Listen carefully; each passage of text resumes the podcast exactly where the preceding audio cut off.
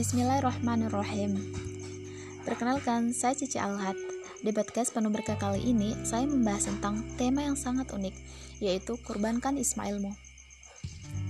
Assalamualaikum warahmatullahi wabarakatuh. Segala puji bagi Allah yang telah memberi kita kesehatan dan kesempatan sehingga kita masih berada di bumi dan di dunia ini.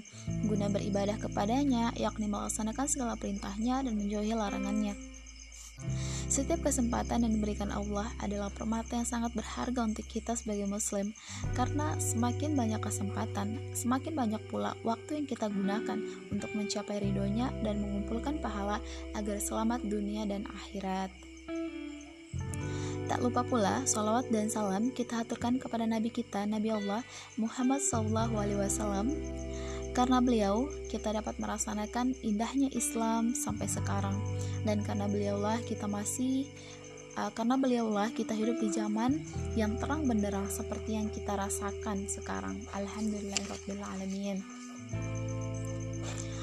Teman-teman, alhamdulillah kita telah masuki bulan Zulhijjah dan ternyata eh sorry dan tentunya hari raya Idul Adha atau hari raya Idul Kurban menjadi khas dari bulan ini. Ya, di bulan ini kita melaksanakan salah satu hari raya besar kita, yakni hari raya Idul Adha, di mana terdapat banyak hewan yang dikurbankan.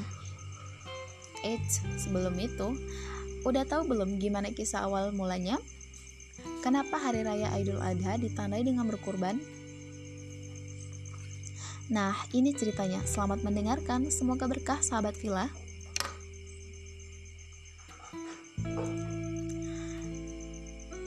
Ismail adalah anak Ibrahim dengan istrinya Siti Hajar. Saat Ismail lahir, atas perintah Allah, Ibrahim membawa anaknya bersama Siti Hajar keluar dari Palestina. Mereka melewati padang pasir dan gersang menuju lembah berbukit yang dikenal sebagai lembah Bakah. Lembah itu kini merupakan kota suci, Mekah. Di lembah itu, Ibrahim membuat tempat berteduh dengan makanan dan minuman seadanya. Ibrahim lalu kembali ke Palestina sambil terus berdoa untuk keselamatan Siti Hajar dan Ismail.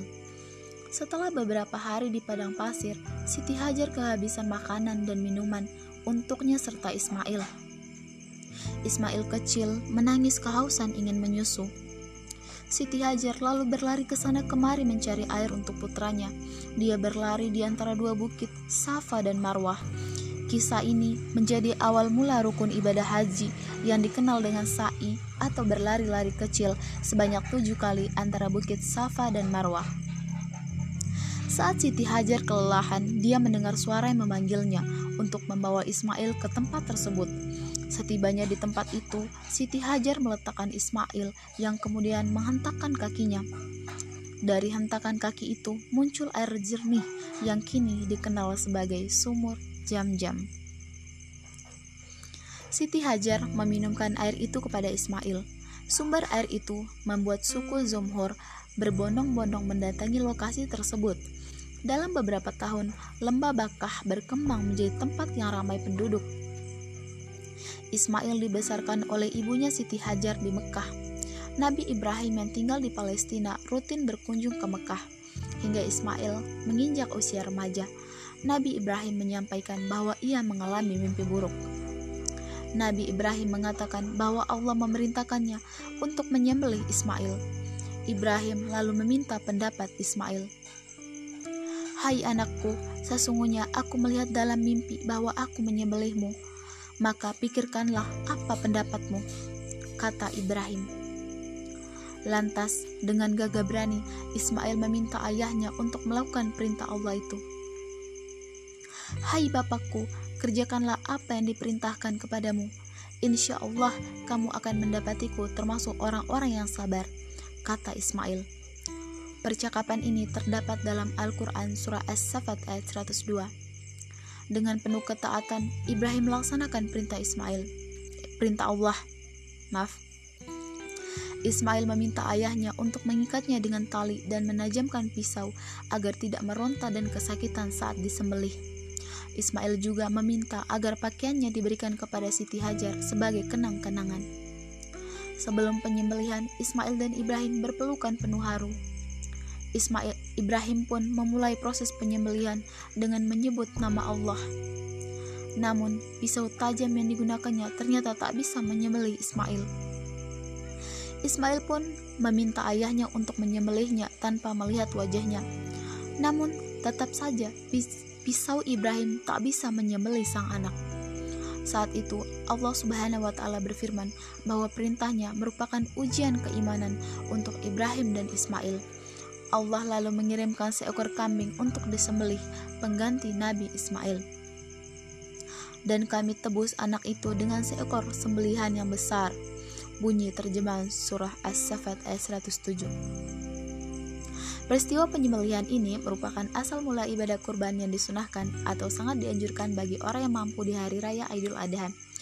Saat Ismail banyak dewasa, ia bersama ayahnya kembali mendapat perintah dari Allah untuk membangun Ka'bah di dekat sumur Zam-Zam. Ismail dan Isma Ismail dan Ibrahim membangun Ka'bah dengan penuh doa. Lalu Allah Subhanahu wa taala mengajarkan Nabi Ibrahim dan Ismail beribadah di Baitullah yang kemudian menjadi asal mula ibadah haji yang terus dijalankan dari umat Nabi Ibrahim hingga Nabi Muhammad SAW. Keteladanan berbakti kepada orang tua menjadi hikmah penting yang dapat dipelajari dari kisah Nabi Ismail alaihissalam. Nabi Ismail adalah anak yang sangat berbakti pada orang tuanya. Jika ingin mencari figur keteladanan, lihatlah Nabi Ismail ya teman-teman. Nah, itu tadi kisahnya.